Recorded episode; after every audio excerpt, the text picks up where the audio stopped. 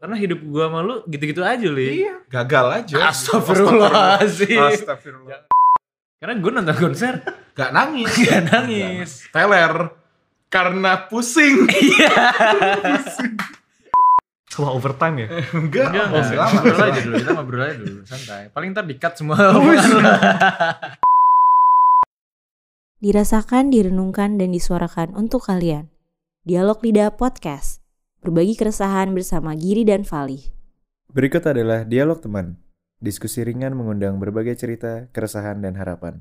Episode kali ini kami mengundang seorang teman bernama Lutfi Kausar.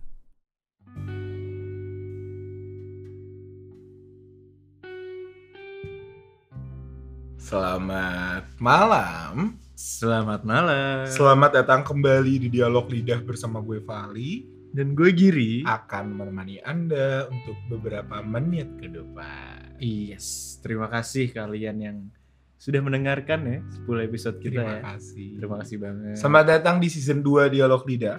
Iya, ini episode 1. Episode 1. Semoga konsisten ya Giri ya. Ya, kita pinginnya bisa upload terus lah. Iya dong. Karena sebenarnya banyak banget yang nanyain di Twitter, Instagram gue pribadi, lo juga. Iya. Dan ba- yang belum tahu, kita akhirnya bikin Akhir. Instagram sama Twitter Dialog Lidah. Sekarang followers harus tahu berapa. Oh, berapa? 30 Lumayan Di Gua ada dua account ya kan Instagram itu apa lagi Instagram kita? Dialog titik lidah Iya Oh iya. Iya Oh iya. Ya. Twitter Twitter Twitter Dialog Lidah. Cakep Twitter Dialog Lidah biasa. Jadi untuk Instagram Dialog titik Mau lidah. kontak kita Mau nanyain Judul Atau eh, Apa namanya Suggest eh, Apa yang Tema. bisa kita kasih Iya. ke depannya Bisa langsung kontak aja gitu Iya, di follow ya guys. Thank you banget tuh. Nah, eh, apa ya? Kali ini kayaknya kan biasa kita berbagi keresahan nih, Li. Iya Semua mungkin udah tahu lah, dia udah berbagi keresahan. Keresahan kita udah cukup banyak ya Cukup banyak. Season 1 tuh seasonnya kita bagi-bagi keresahan Iya, mungkin. Sekarang seasonnya kita ngulik-ngulikin keresahan orang. Nah, itu dia. Iya mungkin kan? kayaknya kita ada harus ngajak orang gitu. Harus. ngajak orang kayak gue pengen tahu sih cerita lo karena hidup gua sama lu gitu-gitu aja, Li. Iya.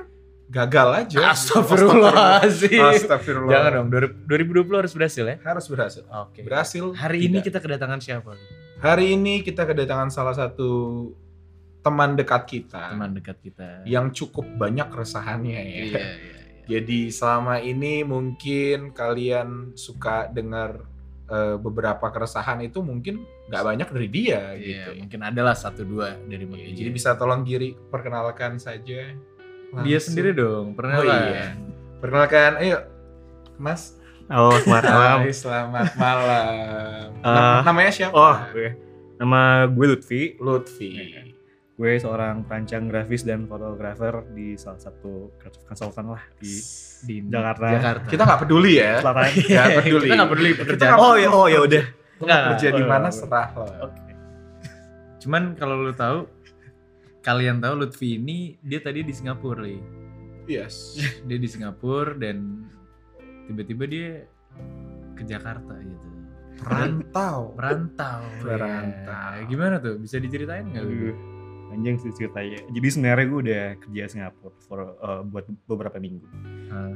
Terus uh, ternyata visa gue nggak jebol dan itu udah dua kali apply dua-duanya nggak jebol terus dengan berat hati akhirnya gue Visa kerja ya? ya dengan berat hati gue akhirnya memutuskan untuk balik ke Indonesia sempat panjang juga tuh prosesnya soalnya gue udah berharap banget tuh dengan gaji dengan segitu gue udah ngeplan kayaknya umur segini tuh bisa punya ini bisa ngebangun ini itu gitu. Tiba-tiba harapan Iya. itu pupus, tak iya tetep nggak bisa lanjut kerja di sana. ya, pusing dah kalau gue Tapi kenapa Jakarta? Dari sebenarnya waktu itu orang tua gue eh, ngedekatin "Eh, kenapa kamu nggak di Pekanbaru aja kata ibu gue terus gue bilang da, terus gue bilang salah satu reason over dengan reason yang banyak lainnya gue bilang kalau industri kreatif di tempat gue berasal itu masih belum Maju. maju lah dibilang maju sih enggak tapi masih belum siap Ya. Jadi Lutfi ini asalnya dari Pekanbaru. kan baru kuliah di Singapura, kerja di Jakarta. Gila, hebat ya. Suksesnya di mana tuh? iya, belum, belum Belum. sukses mungkin ya nanti. Nanti aja ya. Di Singapura gimana tuh, Vi? Karena waktu itu gue Apa? ketemu dia pertama kali di Singapura, Li. oh iya Hmm, gue ke Singapura. Itu ya dagang roti sandwich SMP one dollar. Enak gitu. Iya, iya. Sekarang one dollar twenty cent. Oh iya. iya. Oke, lanjut. Gimana gimana ketemu? Ya, gue ketemu di Singapura, terus waktu gue ketemu gue kayak, wah nih fotografer jago banget nih, sana sini sana sini, makin dekat makin deket, ternyata kayak, oh ya, ternyata masalahnya banyak nih orang. Maksudnya kayak yang Masalah. dipendam tuh banyak gitu. benar, benar. Ada gimana tuh Vi? Lo Hmm. lo pernah merasakan keresahan apa selama lo kuliah di Singapura? Gue sih kayaknya sih eh, sebelum gue berbagi cerita, kayaknya gue perlu ngasih konteks. Gue sebelumnya eh dari hari ini gue salah satu termasuk individu dari teman-teman gue yang sangat tertutup. Maksudnya pagar gue tinggi. Kenapa gue bilang pagar? Gara-gara eh, pagar kan lo istilahnya lo bisa ngelihat. Beda sama tembok. Kalau tembok lo tinggi lo nggak bisa ngeliat ke dalam. Tapi kenapa gue bilang pagar? Gara-gara pagar gue tinggi, tapi orang bisa ngeh gitu. Gue tuh kayak ada something else going on di belakang kepala gue. Nah, eh, dan gue dari dulu itu sangat memilah-milah orang untuk gue bisa untuk gue bisa bercerita. Tuh. Terus Berarti lo ini memberanikan diri Iya, murah diri. Sebenarnya ada ceritanya sebenarnya. Jadi waktu itu gue habis nonton konser eh, menari dengan bayangannya Hi- Hindia. Oh, oh, Shout out to itu. Baskara. Iya. Keren banget kita ya. Itu gue inget Kenal banget itu. juga enggak. Oke, lanjut lanjut. Itu gue gue inget banget itu salah satu konser pertama gue di mana gue nontonnya sangat sentimental gitu. Lo nangis nggak di situ? Nangis beberapa lagu. Nangis. gue inget banget yang kayak dari lagu 1 sampai lagu terakhir gue selalu nyanyinya itu eh, tangan kiri gue eh, pegang dede, tangan kanan ngancungin tinggi ke atas. Gara-gara lagunya beneran mempresentasikan hal-hal yang sebenarnya bertahun-tahun ini gue nggak bisa eh, lafazkan. Ah. Terus gue inget abis gue abis nonton itu kebetulan fotografernya waktu itu adalah teman perfotoan gue juga. Dia lewat sama Bas gitu, abis itu dia bilang, Vi mau foto sama Bas nggak? Terus gue bilang, oh gak usah, gak usah, dia lagi sibuk. Akhirnya dipaksa udah, terus beberapa kali gue ketemu Bas, hal yang pertama kali gue ngomong ke dia, gue bilang, Bas gue boleh meluk lu nggak? Gitu, bilang, yaudah gue peluk.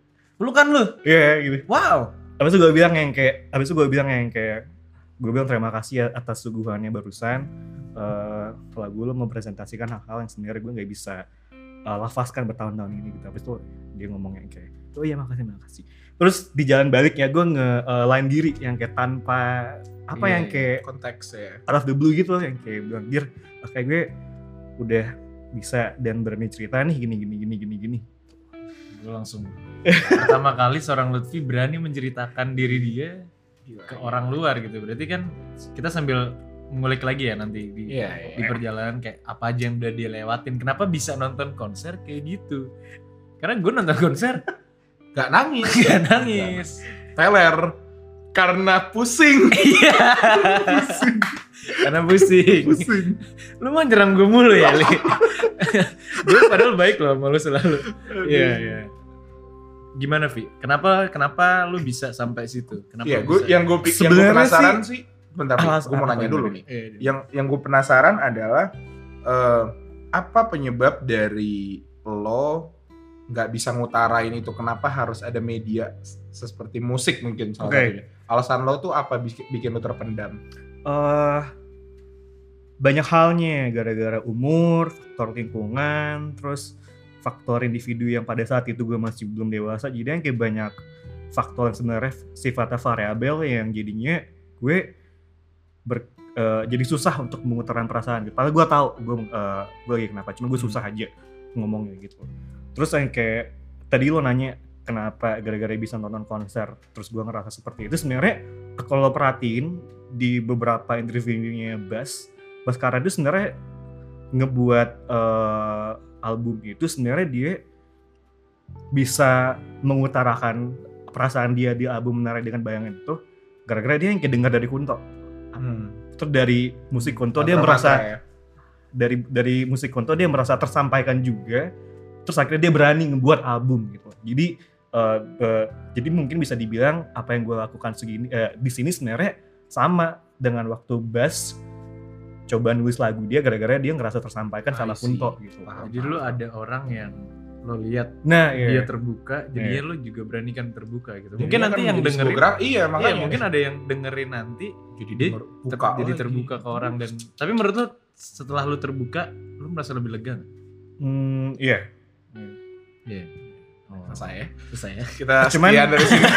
bukan cuman yang kayak bukan gue bermaksud untuk bilang 100% lega cuman at least 70% itu yang kayak udah bisa ah, enak nih nafas gitu. Menerima ya. Sebenarnya menarik sih Gir, karena eh, menurut gue untuk bisa menerima keadaan kayak gitu itu nggak gampang. Hmm. Banyak banget eh, teman-teman di sekeliling gue juga yang mengalami kesulitan yang sama gitu, di mana eh, memerlukan sebuah media untuk menyampaikan apa yang dia ingin sampaikan gitu. Iya, setuju, setuju. Jadi Dan Eh, harus nyari orang yang tepat juga gak sih? Iya Itu gitu juga. karena ya kayak di tema kita yang sebelumnya aja gitu. Mungkin lo bisa cuma bisa cerita sama keluarga, gue cuma Iya. bisa sama teman gitu. Iya. Dan ada juga beberapa dari kita yang masih kesulitan untuk mencari orang tersebut gitu. Beruntung ada banyak media saat ini yang udah udah semakin luas yang bikin kita untuk lebih mudah untuk terbuka sih kalau menurut gue. Kalau boleh tahu, Vi, lo di Singapura memang ada apa sih? Iya. Kenapa kesannya Singapura? oh jadi ini masalahnya di Singapura nih. Eh, sebenarnya sih misal kalau bisa ditarik ulur kalau gue mikir dengan otak gue yang sekarang kayaknya masalah itu ada di rumah sebenarnya Oke. Oh, Eh, berasal berawal dari rumah lo? eh, iya berawal dari rumah Hmm. Tapi waktu itu gue nggak ngeh gara-gara masih kecil juga jadi gue masih bisa belum mikir. Ternyata rumah itu bisa berdampak se, se, sedemikian gitu jauh gitu. Hmm. Gua- waktu itu gue ma- masih belum bisa ber- berpikir seperti itu. Tapi misal kalau sekarang dilihat sebenarnya akarnya itu ada di rumah. Oke. tapi gara-gara di rumah itu nggak eh, gara-gara di rumah itu banyak masalah menjerumus ke semua banyak hal. Paham. tuh Yang orang tahu, orang nggak tahu tuh di rumah lo. Eh sebenarnya kayak lo bilang tadi, gue termasuk individu yang teman ceritanya itu bisa dihitung pakai jari lah. Dan eh, dan kenapa eh, musiknya bass itu menjadi trigger buat gue kebuka gara-gara kalau gue bisa ngomong jujur, cuman musiknya bass yang kayak pelarian gue untuk merasa terdengarkan.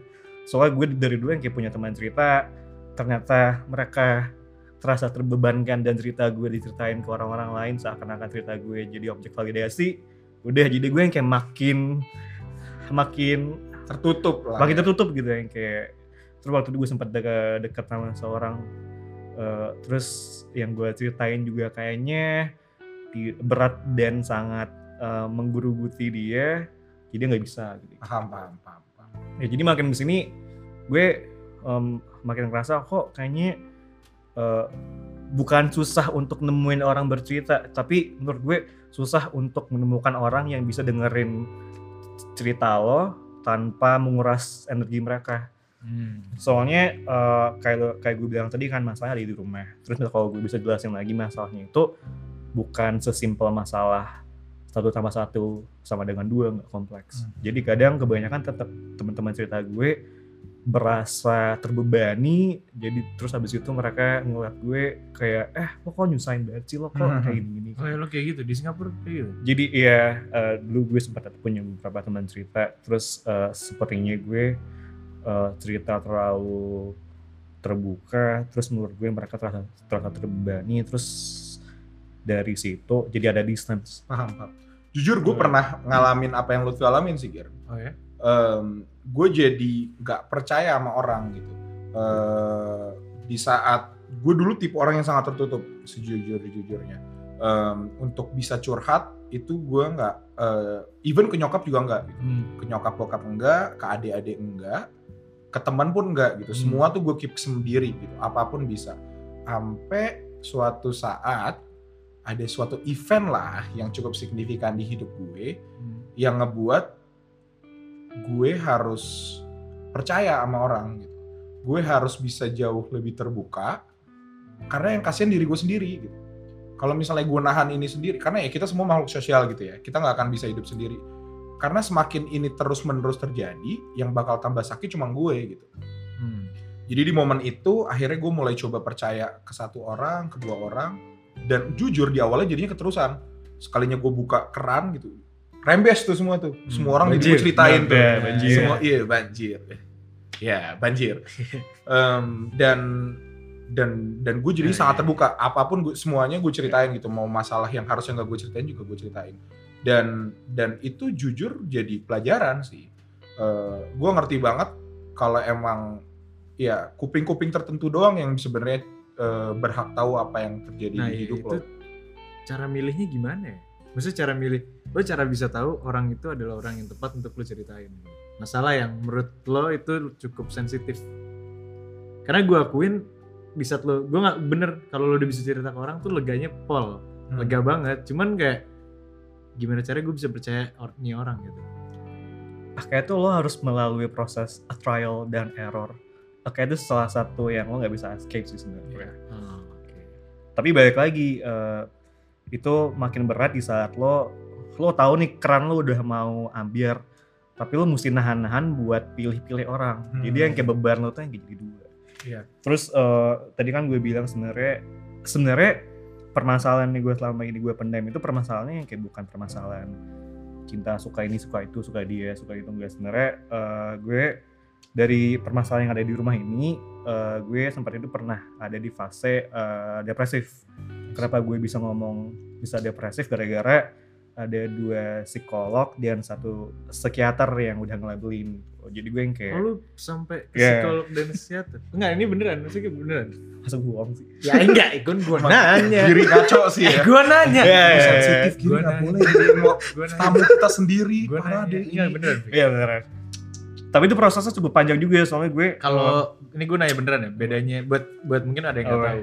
Beda psikolog dan psikiater. tuh eh psikolog itu kalau menurut versi gue itu mereka lebih ke bagian konselingnya.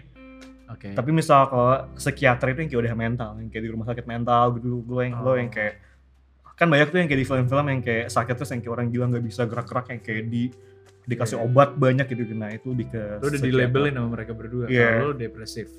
Ta- eh, iya Itu di mana, Vi? Di Singapura di tuh? di Singapura Oh. Duh, gue sebenarnya agak takut sih ceritain soalnya sampai detik ini orang tua gue nggak tahu kalau gue pernah pernah ke ke dokter ini dan Mahal. dan ya mahal itu satu dan dan ya maksudnya itu juga prosesnya untuk bisa sampai ke sana itu eh, susah soalnya waktu itu gue eh, lagi ada berrelationship dengan satu cewek Hmm. eh, satu cewek ini eh, salah satu faktor yang nye- yang nyemangatin gue untuk pergi ke dokter. Padahal sebelumnya gue yang kayak nggak ah nggak mau. Ah kayaknya gue nggak nggak sefakap gitu deh. Gitu. kayaknya Oh, gue jadi kayak, lu denial pada awal ya? eh, iya eh, dibilang denial juga iya tapi di di satu sisi juga enggak. Soalnya gue kayak juga nggak tahu yang kayak gue kenapa gitu loh? Iya, yang iya. kayak gue tahu gue cuman ngerasa kayak gini gini gini gini cuman gue nggak tahu gue kenapa gitu. Terus udah eh, akhirnya dipaksa paksa paksa paksa akhirnya ya udah mau deh gitu terus eh, saat itu sebenarnya tuh fase-fase pilu grow up gue sih. Soalnya gue inget banget yang kayak wa- waktu hari pertama gue ke sekolah gue nggak mau gue ngomong sama cewek ini enggak deh kayaknya gue nggak sefakap itu. Cuman dia tetap bilang oh ya udah coba aja coba aja coba aja udah kayak ditemenin sama si cewek ini ke rumah sakit. Eh by the way si cewek ini eh, teman kuliah gue. Oke. teman kuliah gue. Terus, Pacar? Mantan? eh, dibilang pacaran enggak cuma dekat Complicated lah kalau di Complicated. Facebook Iya, ya. Iya, iya, iya, oke jadi jadi ya akhirnya kayak disemangatin datang hari pertama datang ke psikolog gue inget eh, gue diajak masuk sama psikolognya habis gue bilang ke psikolognya oh, gue boleh bawa cewek ini masuk nggak gitu Hmm. terus ternyata nggak boleh kan terus gue bilang oh ya udah dia nggak apa-apa terus gue inget banget duduk si psikolognya nanya lo kenapa di saat itu langsung ambil aja gue Yang Langsung tuh nangis. kayak, yang kayak Oh. maksudnya kerasa yang kayak keran lo dibuka Hmm. push gitu yang kayak gue yang Lo kayak cuma nanya lo kenapa? Iya. terus yang Keren. kayak Wah. ya terus udah kan yang kayak ambiar-ambiar dulu yang kayak buat beberapa menit habis itu yang kayak baru Lu ceritain tuh. iya gue ceritain aja maksudnya yang dari A satu dari A sampai Z gue ceritain gue nggak bisa tidur gue ceritain gue nggak bisa gini gitu ini itu ini itu yang kayak bisa makan yang kayak bisa bangun dari tempat tidur gitu gitu dia tulis maksudnya yang kayak di paper. Hmm. ditulis yang kayak dia nanya eh, keluarga gue kayak apa nyokap bokap gue kayak apa adik-adik gue kayak apa perilakunya gue kayak apa di sekolah gitu gitu kan. Terus abis itu dia yang kayak ngebuat kayak mind map gitu. Terus abis itu dia bilang yang kayak eh, kayaknya masalah lo ada di rumah gitu. Habis itu gue bilang ah kenapa? Iya gara-gara eh eh, ya waktu lo kecil waktu I, waktu emotional intelligence lo belum ke develop lo udah ditempa keras Jadi istilahnya lu dipaksa dewasa sebelum dewasa. eh, kalau bahasa enaknya gue dipaksa dewasa pada saat gue di- pada gue dipaksa dewasa pada saat umur gue sangat muda. Banyak loh orang kayak gitu. Banyak, banyak. Sebanyak itu dan mungkin ya salah satunya Lutfi ini. Iya, iya. Terus Tapi- lanjut lagi tuh masih ada ceritanya. Oke, oke, lanjutin. Seru, seru. kayak Seru seru. seru. awal gue yang kayak masih denial kayaknya eh eh, kayak nggak rumah deh gitu kan. Habis itu gue bilang eh, tapi dokternya kayak eh, bilang oh iya eh, kalau denial nggak apa-apa tapi karena dokternya menurut gue masalah di rumah gitu. Udah habis gue bilang eh, gue harus ngapain nih sekarang? Gitu. terus dokternya bilang eh, lo kayaknya gue bakal refer ke psikolog dan dan gue kasih obat nih gitu Kalau kata saya ah psikiater. Eh, Eh, terus dikasih obat terus waktu itu gue se- sempat masih denial gue bilang eh, ada nggak sih cara lain yang yang yang nggak pakai obat? Gitu kan. Habis itu dia bilang yang kayak eh, kayaknya di saat ini nggak ada gara-gara posisi gue eh, lagi buruk gitu kan. Gue, udah dikasih obat. Gue waktu itu masih denial gue kayaknya nggak sefakap itu habis gue tanya ini obatnya itu obat apa sih? Maksudnya ada side effect kata apa sih? Kan sebenarnya mis kalau obat-obat kayak gitu kan obat-obat yang di mana itu nge-suppress uh, antidepresan ya. Brand brand chemical lo kan. Hmm. Aku takut aja yang kayak nge-konsum chemical Ya, kayak ya, gitu. Ya udah gue tanya ini side effect-nya apa? Terus waktu gue nanya eh, kayak gitu dia jawab side effect-nya lo eh, either bisa impotent kalau nggak sex sex drive lo Turun. ditondani banget. Terus gue bilang, ah, anjing ini fuck up banget mana harus gue yang kayak gila sih ini. Terus yang kayak, eh, tapi ya udah gue coba, gue coba Minum. minum, gue inget eh, itu side side effect-nya kepala gue sebelah kiri sakit banget. Ya, Tapi ngaruh. Ya, gue nggak tahu itu ngaruh apa enggak. Cuman kayaknya dibilang dibilang lebih tenang juga enggak sih. sebenarnya. Terus habis itu Emang kalau boleh tahu nih, lu Apa? separah apa sih? Maksudnya kayak eh, lu, maksudnya kenapa lu bisa sampai kayak gitu? gitu Misalnya contoh-contoh hal yang kayak Oke. Jadi ceritanya sampai si terus, cewek eh, ini oke. bisa bilang, nih lu ke psikolog dong gitu. Sampai dia mau bantu lo gitu. Jadi itu konteksnya gue ketemu si cewek ini sebut aja namanya A si A. Hmm. Gue ketemu si A ini habis eh, sehabis gue baru selesai ber berrelationship dengan mantan gue yang super toxic. Oke beneran toxic as hell. Terus eh, ketemu dia, tapi ketemunya gue dalam dalam dalam fase gue yang sangat berantakan. Oh. Nah, terus terus waktu itu gue itu ya senegatif dan sehancur itu maksudnya kalau ngerjain tugas nih gara-gara eh, gara-gara gue salah satu itunya percaya dirinya hancur-hancuran kalau gue dikasih gambar kan gue tahu gue gue gue nggak bisa gambar. Cuman waktu itu per- percaya diri gue percaya diri gue lagi hancur-hancuran. Bisa lagi percaya eh, lagi gambar doang gambar gue jelek gue anxiety gue panic attack gue hancur-hancurin. Maksudnya anjing yang kayak beneran ngomong-ngomong kata binatang yang kayak banting-banting meja yang kayak gila ini apaannya gue gue gue maksudnya kayak gak bisa tidur kayak bisa anxiety itu gara-gara nggak bisa gambar dan gue ngeliat gambar gue jelek banget terus kayak jadi Itu contoh kecil ya di, di itu contoh kecil ya Yang lain yang ya maksudnya yang kayak bisa juga yang kayak ya ditambah lagi dengan mood swing mood swing yang Hmm. yang tidak jelas bisa aja eh, bisa aja yang kayak barang gue hancur-hancurin yang kayak jadi setelah itu lemari sama gue tonjok-tonjokin gitu. Iya. Gue inget gue dulu punya punya sound card kayak gini nih. Terus yang kayak gue kesel, gue anxiety, gue gue banting-banting aja ke tembok sampai hancur-hancur gak jelas. Yang Oke. kayak dulu gue inget gue yang kayak pernah pernah punya MIDI keyboard juga gara-gara itu barang yang di depan mata gue gue hancur-hancurin aja yang Itu kayak gak mikir aja ya. iya nggak mikir yang kayak gue tak tak tak yang kayak bener bener berarti lo mengakui nggak kalau cewek ini berperan penting dalam hidup lo Iya, dan eh gue mengaku ini cewek salah satu individu yang ngebuat gue ngelihat sesuatu yang lebih terang sih menurut gue. Gue bisa bilang misal kalau gue kalau gue nggak ketemu ini cewek, kayaknya sekarang gue nggak tahu gue ada di fase seperti apa. Tapi tadi kan lo cerita ya, kalau misalnya eh, semenjak karena waktu itu nonton konser, Hmm. semuanya jadi lebih tenang gitu.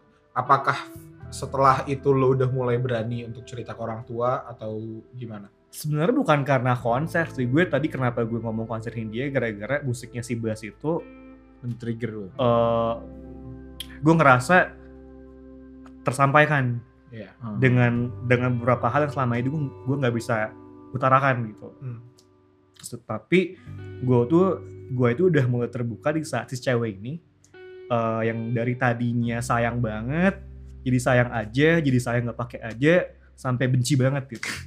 Ujungnya dia benci lo. ujungnya dia benci Sorry soalnya gue ketawa nih. maksudnya ah, apa ya? Oke. Sayang, Eh, sayang banget, Sayang aja, saya sayang pakai aja, aja. benci. Benci banget langsung benci banget. Itu kayaknya semua kalian relate ya. Mungkin kalian pernah mengalami itu ya. Ah, tapi sih eh, apa ya? Jika si seseorang ini mendengarkan sih paling gue mau mengucapkan eh, terima kasih eh, terima kasih aja sih sebenarnya. Tapi Untuk A, terima Iya, kasih. udah. Namanya ada A-nya. Ada. Depannya Gak aduh ada. sakit.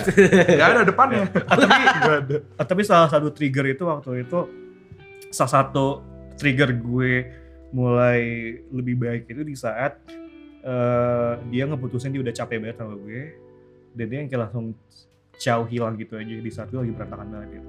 Jadi yang kayak istilahnya lo rumah lo lagi runtuh terus tukangnya cabut lo dipaksa untuk ngebangunin rumah sendiri. Paham.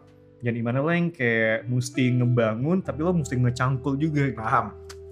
Itu relate banget gue. Oh, lu relate ya? itu sangat relate. Wow. Tapi menurut gue di dalam cerita gue hal itu di saat ibaratnya gue lagi butuh-butuhnya dan gue ditinggalkan itu nge- ngebentuk gue jadi sekarang gitu itu ngebentuk dan gue bersyukur akan itu gitu gue bersyukur karena gue ditinggal dan gue harus ngelakuin itu semua sendiri gitu apa itu berlaku juga buat lo Eh, Iya, dan eh, dan pada saat itu gue masih teman CTS sedikit dan dan waktu itu benturannya lagi banyak benturan dari eh, rumah, benturan dari pertemanan, benturan dari sekolah, terus belum lagi benturan dari diri sendiri.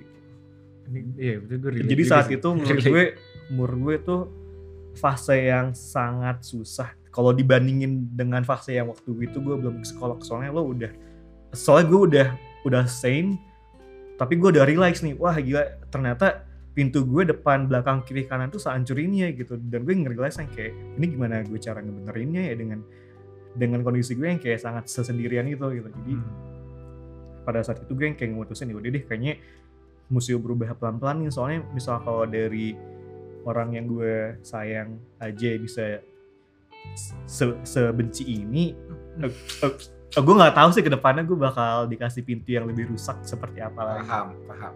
Terus udah kayak dan Oke.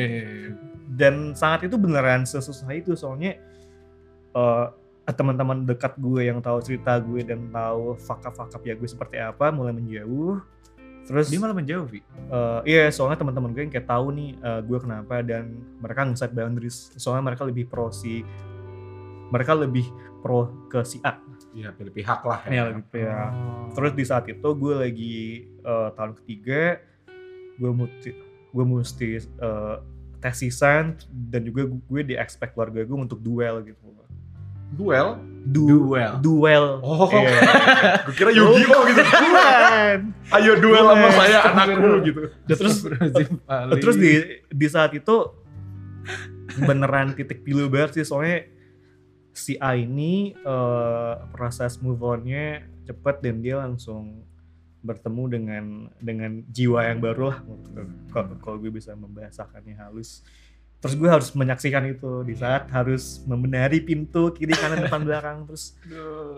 Banyak gak sih yang relate dengan ini? Banyak ya? Kayaknya banyak ya. tapi menurut gue itu suatu proses yang emang harus dijalanin biar lo bisa ikhlas nggak sih? Iya. Hmm. dan karena ya gitu memang di saat lo emang bener-bener mencoba untuk merelakan melepaskan menerima semuanya ya bakal jauh lebih berat aja gitu. Kayak kasarnya lo mau ikhlasin tiba-tiba di depan mata lo dia kayak ngapain gitu. Hmm. jadi emang itu sebuah proses yang emang harus terjadi sih biar lo bisa ikhlas kasarnya gitu. Menerima lah, menerima Tapi, sama keadaan apa. lo sekarang lo udah berhenti minum obat kan?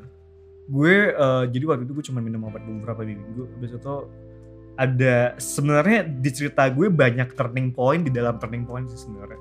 Beneran belok-belokan itu banyak. Jadi waktu itu minum obat gue tahu side effect-nya segila itu dan dan side effect-nya di fisik gue se tidak enak itu. Akhirnya gue ngemodusin buat ngechannelin kayak buat ngechannelin kayak hal-hal lain gitu. Terus pada terus dari titik itu gue ngerilas kayaknya coba gue lariin ke eh, agama deh gitu. Dan dan dan untungnya gue berasal dari keluarga yang religinya eh, kuat udah, eh, udah mulai kencangin sholat berpengaruh tapi waktu itu gue masih ngerasa ini kayaknya emosi gue yang kayak masih membara banget di dalam gitu yang kayak masih apa ya yang kayak apinya masih banyak banget gitu loh Ya udah gue channelin ke olahraga gitu loh Hmm. dan eh, pelarian lo lah iya, ya. pelarian Paham, paham, paham. di Tapi- gue nggak pernah setuju sih sama orang depresif terus dikasih ini pelarian gue kata-kata menurut gue yang harus dipakai itu lo mesti ngechannelinnya seperti apa soal bukan gue pelarian. iya. soal kalau Karena gue- api itu pasti akan selalu ada. Iya. eh, yang namanya baper sensitif itu selalu ada. Maksudnya gue yang kayak masih gak ngerti kenapa orang bilang orang depresif, eh, eh lo baper banget gitu. Bukannya kita at the end of the day manusia, ya manusia baper. Kalau lo gak baper, lo apa lo me- meja gitu. Itu keren. itu lucu tapi Jadi- keren. Saya meja. Manusia Jadi- emang pasti punya perasaan. Iya. Jadi waktu itu yang kayak pelarian gue, gue, gue eh pelariannya ke Muay Thai. Udah yang kayak di situ gue yang kayak lariin ya emosi-emosi yang tidak jelas. Iya, iya. Tapi berarti Dan- sekarang udah cukup lega lah ya, udah cukup bisa melepaskan lah ya semua masa lalu itu. Bukan melepaskan sih, Oh. karena nggak akan dilepasin, tapi pencannelannya udah baik lah ya. Iya. Dan Diem dong. Oh iya, diem sorry. dong. Kan Tangan gue- di sini. Oh iya. soalnya gini uh, soalnya kan tadi gue bilang uh, konteks gue gue pernah ada di fase yang depresif dan uh, dan dan fase-fase itu meninggalkan uh, be- bekas nah gue inget banget uh, di salah satu interview psikolog yang gue pernah nonton kalau orang depresif pengen sembuh itu nggak bisa soalnya ya itu udah berbekas episode-episode yang yang tidak terkontrol itu pasti bakal ada Nah, jadi yang kayak jadi salah satu belief yang gue pegang kok sampai sekarang ya kalau gue lagi tidak enak ya gue tidak enak aja.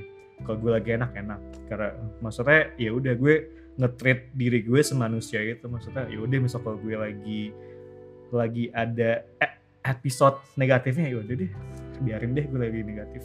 Hmm. Tapi misal kalau udah itu hilang ya udah positif lagi. Keren, keren, keren, keren, keren. Wow, ceritanya. Kita tepuk tangan, kasih tepuk tangan dulu dong. Tepuk tangan ya. Nanti ada ada soundnya keren deh nanti Vi. Wah overtime ya? Enggak, Enggak, oh, enggak. lama. Ngobrol aja dulu, kita ngobrol aja dulu, santai. Paling ntar di-cut semua omongan lo. Selamat malam. Ngulang lagi. Enggak, enggak. Menarik karena eh, banyak gitu dari sekitar kita yang emang selama ini eh, susah untuk menemukan pelariannya, Hmm. susah untuk bisa menerima kalau emang kan tadi salah satu eh, alternatif yang Lutfi lakukan adalah ya dengan jujur dengan dirinya sendiri gitu. Iya. Di saat emang lagi bad day, lagi dapat episode buruk, ya udah let them be aja gitu Iya. dan dan kebanyakan dari kita mungkin juga masih eh, kalian para pendengar adalah mem- jujur dengan dengan itu gitu Eh, mengakui kalau emang itu lo gitu kalau emang sometimes itu bisa terjadi di lo gitu dan dan itu sih yang cukup berat untuk untuk kita bisa jujur dan menerima itu kalau menurut gue gitu gitu Kalau gue, gue tadi sempet kena sih sama bagian yang bener banget kayak di saat lo ada orang yang lagi lo sayang, terus tiba-tiba, tiba-tiba, tiba-tiba orang itu hilang aja dengan tiba-tiba. Lo pernah relate itu li? enggak Tadi bilangnya pernah. Lutfi pernah dan gue baru nyadar iya gue juga pernah kayak waktu gue punya siapa tuh ya gue punya mantan. Oh, oke. Gue punya mantan. Terus mau disebutin nggak usah. Oh, nggak usah. Terus Sebut tuh. enggak jangan, Oh, jangan. terus ya ya udah maksudnya gue tuh biasa gue cuman gue jarang kan tadi gue bilang gue cerita tuh jarang banget tuh orang gue mungkin cerita ke dia doang dan di saat dia hilang kayak ya udah gue jadi nggak punya temen cerita lagi iya persis dan itu bener-bener kayak berat sih sejujurnya bahkan ini nggak bahkan gue sempet beberapa kali udah putus gue nyapa dia lagi buat gue cerita paham paham. Ya itu Gak ada maksud apa apa kan? Nggak ada maksud apa apa yakin? Yakin. Cuman cuman beneran beneran. Terus Dengerin lo ini. insya Allah ya didengerin. Jangan. Terus terus? Terus ya waktu itu sama kalau Lutfi kan eh, nonton Hindia kan? Hmm. nonton Bas gue waktu itu nonton Kunto Aji mantra mantra konsernya mantra mantra live gue nonton. Terus di situ gue juga Lutfi lu nonton gak sih enggak ya? Enggak. Gue bilang ke Lutfi abis itu kayak wah parah sih. Gue baru ngerasain kayak nonton konser karena awalnya tuh gue ini gue bener-bener kayak ah nonton ngapain sih galau-galau? Gue inget banget kayak ngapain nonton Kunto Aji? Pasti ujung-ujungnya galau juga. Gue nggak beli tuh dari awal. Tiba-tiba nggak tahu kenapa Hamin satu gue pengen banget nonton itu. Bener-bener kayak gue pengen terus akhirnya gue dapet udahlah gue nonton. Terus ada satu sesi ada satu sesi setelah ah gue lupa lagu. Kalau salah setelah lagu film membiru itu sesi sama eh, Siti Badriah. Bukan. Gak tahu. Oke, gue lupa psikolog atau apa gitu, gue lupa. Dia namanya Aji Santoso. Nah dia bilang ada tiga, jadi ada tiga sesi di di dalam sesi healing itu. Pertama, lo disuruh mikirin kayak lo suruh mikir orang yang lo pengen pengen banget ketemu. Tuh. Pertama itu. Gue udah mikir tuh.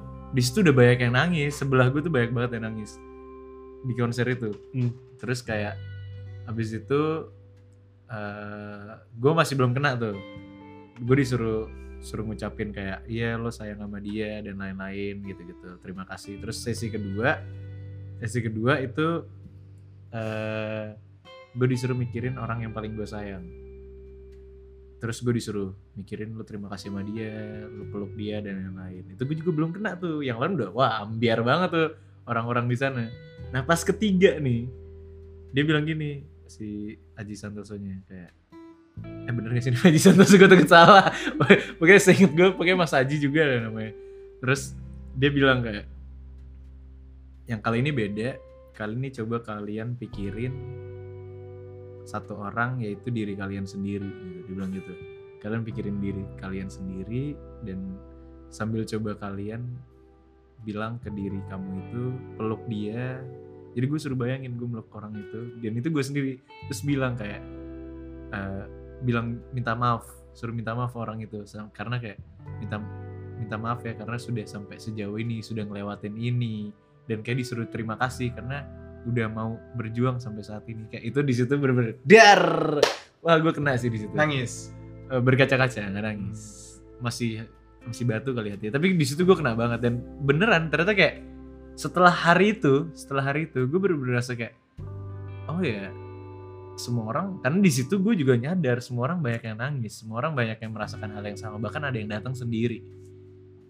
Yang kayak bener-bener datang sendiri terus kayak ya dia emang cuma pengen dan ternyata dari situ gue nyadar kayak oh emang lo harus siap untuk menerima keadaan gitu loh kayak lo harus ya udah gitu lo nggak usah lo tek- lo paksain banget gue harus ngelawan ini ngelawan ini cuman kayak ya udah terima aja jauh lebih enak sih rasanya Gue setuju. banget.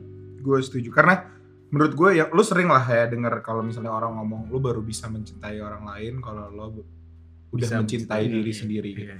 Menurut gue itu bener adanya gitu. Dan menurut gue self love itu bisa datang di saat lo udah di saat lo mengalami yang na- pro- event sig- signifikan yang terjadi di hidup lo gitu. Bisa putus, bisa kehilangan, tapi mayoritas yang gue simpulkan sendiri lo kehilangan sesuatu gitu.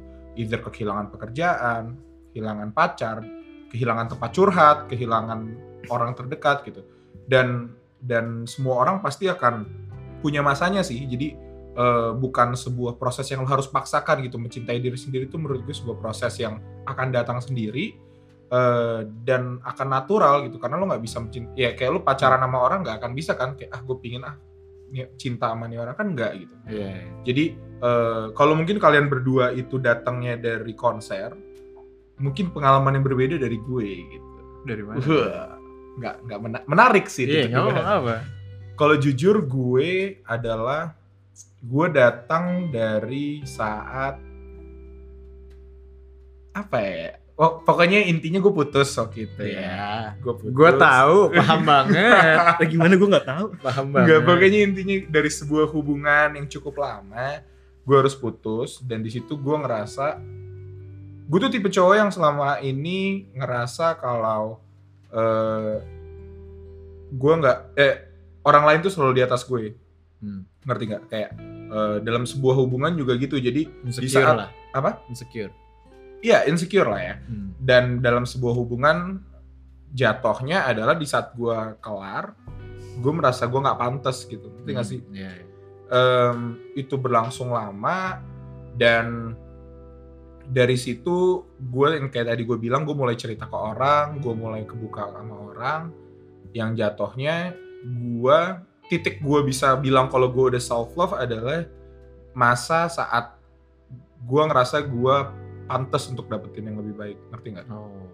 jadi gue gue meninggikan derajat gue sebagai manusia yang sebelumnya mungkin gak gue anggap sama sekali Nah momen itu dari mana tuh? Kalau misalnya kayak itu datang sendiri aja kalau gue kan gitu. misalnya ya gue nonton konser gitu, Hmm. Lutfi nonton konser dan kebetulan kena. Kalau lu gue ya gue adalah cerita-cerita masuk yang kayak oke gue fix ini ini bukan cewek gue lagi gitu oh. ya adalah itu nggak perlu disebutkan lah ya Gua mau pokoknya nambahin. cerita dari gue bukan sih? Iya. Duar. Emang gue kan temen baik lo, lu. bro. Iya. Iya. Mungkin sih gue bisa eh, tambahin sih eh, kata-kata lo harus mencintai diri lo sebelum mencintai orang lain itu sebenarnya maknanya sesedalam itu. Tapi sebenarnya itu nggak bisa secerna sesimpel itu. Hmm. Eh, even gue pun misal kalau gue bisa pakai topi gue dua tahun yang lalu, gue masih bisa belum mikir "I- ini term ya udah gitu. Maksudnya apa makna dari ini gitu. Tapi ternyata maknanya ada. Eh, dan juga sih sebenarnya misal kalau dari omongan kita bertiga ini bisa ditarik ulur sih sebenarnya semua ini itu adalah proses kita untuk menjadi manusia. Proses kita untuk mengenali apa sih eh, caranya untuk lo jadi manusia gitu ya. Sedih itu kayak apa senang tuh kayak apa waktu lagi lancur-lancur itu seperti apa.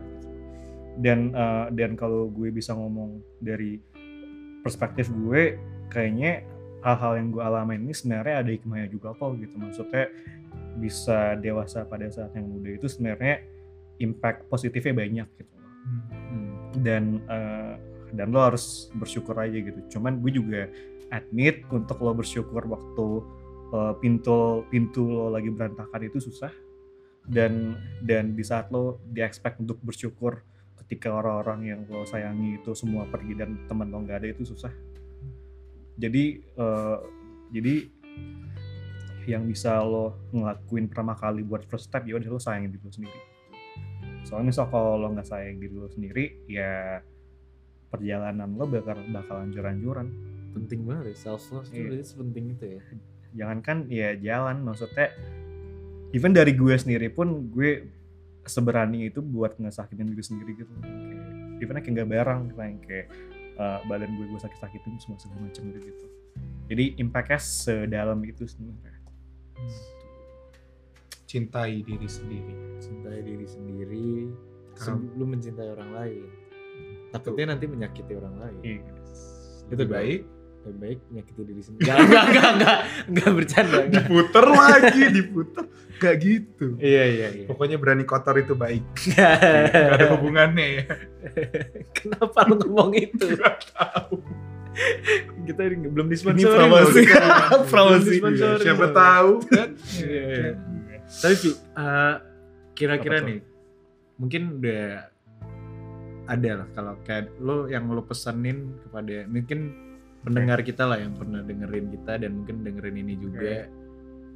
Kira-kira kalau mereka melewati hal yang serupa atau mungkin di bawah itu atau bahkan lebih berat dari itu, ada pesan apa nih yang kayak cara satu aja, satu pesan yang kayak menurut menurut lo tuh. gue sebenarnya ada dua buat Ya udah, boleh dua. Gua kasih dua dah buat buat dua orang yang berbeda soalnya ini uh, perspektif bisa beda Uh, mungkin pesan yang pertama untuk orang yang lagi menghadapi orang yang lagi, yang lagi kesusahan pesan gue yang Ini yang pertama, meng- orang yang lagi yang lagi menghadapi. menghadapi orang yang lagi Oh, kesusahan berarti gitu. jadi orang yang diceritain ya. yang jadi lagi- orang yang lagi ngehadapin orang yang lagi kesusahan temen lo lagi kesusahan Iya, Iya. terus di gue. lo Iya, Ya, gitu. Gimana gimana? mungkin pacar lo lagi state-nya kayak gitu dan lo harus ngehadapin gitu Iya, gimana? Pesan sih eh, pesan yang pertama lo harus berbaik hati. Eh, lo harus tahu manusia itu datang dari background sosial yang beda-beda.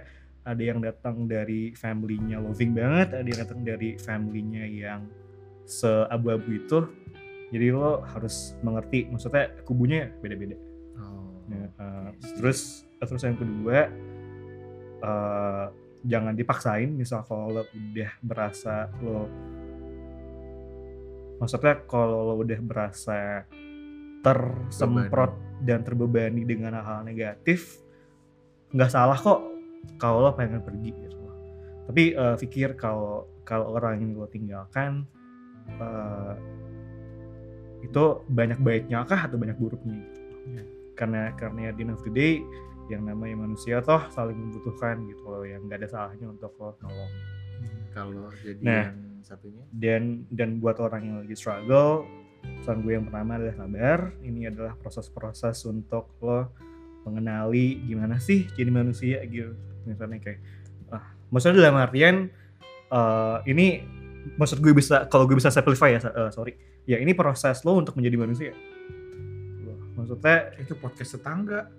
oh iya Jadi manusia. Iya. Gak lucu ya? Oke lanjut lanjut. eh nggak apa-apa struggle eh dan lo nggak sendiri Eh, banyak orang lain di bawah payung lo. Maksudnya kalau lo depresif yang nggak lo nggak sendiri. Dan dan depresif itu bukan mental illness yang ya gimana sih yang lo bisa dilihat negatif enggak sih menurut gue? Itu cuman cuman state of mental being doang. Jadi nggak apa-apa gitu. Tapi tahu jalan pulang kalau lagi gelap-gelapnya kehilangan arah diem dulu sabar dulu tenang dulu nanti kalau udah terang ya cari jalan yang pulang tapi Itu bener banget sih. tapi yang kedua ya yang kayak gue bilang tadi kalau sayangin diri lo sendiri kalau enggak ya gimana bisa membuka pintu buat orang lain kalau pintu lo aja masih ketutup dan gak disayang gitu. Cari carilah, carilah teman ya. Aduh, Ini gue ketebak-tebak Lutfi, ayo kita cari bersama ya, Vi ya. Gue setuju banget sih sama statement Lutfi yang gak ada salahnya untuk diem dulu, tenangin diri, itu setuju. dan mulai gitu. Ya sebenarnya analogi yang sama gitu di saat lo tersesat gitu. Di saat lo panik ya nggak akan jalan ketemu ya kan. Dikasih waktu buat mikir berarti. Iya, mikir ini ke mana, ini gimana, harus tenangin diri dan dan kadang emang itu proses yang harus lo lakukan gitu. Lo nggak tahu apa-apa ya nggak masalah. Itu itu masalah untuk diem, itu masalah lo untuk tenangin diri, ambil semua energi yang ada di sekitar lo, biar lo bisa pulang kasarnya gitu.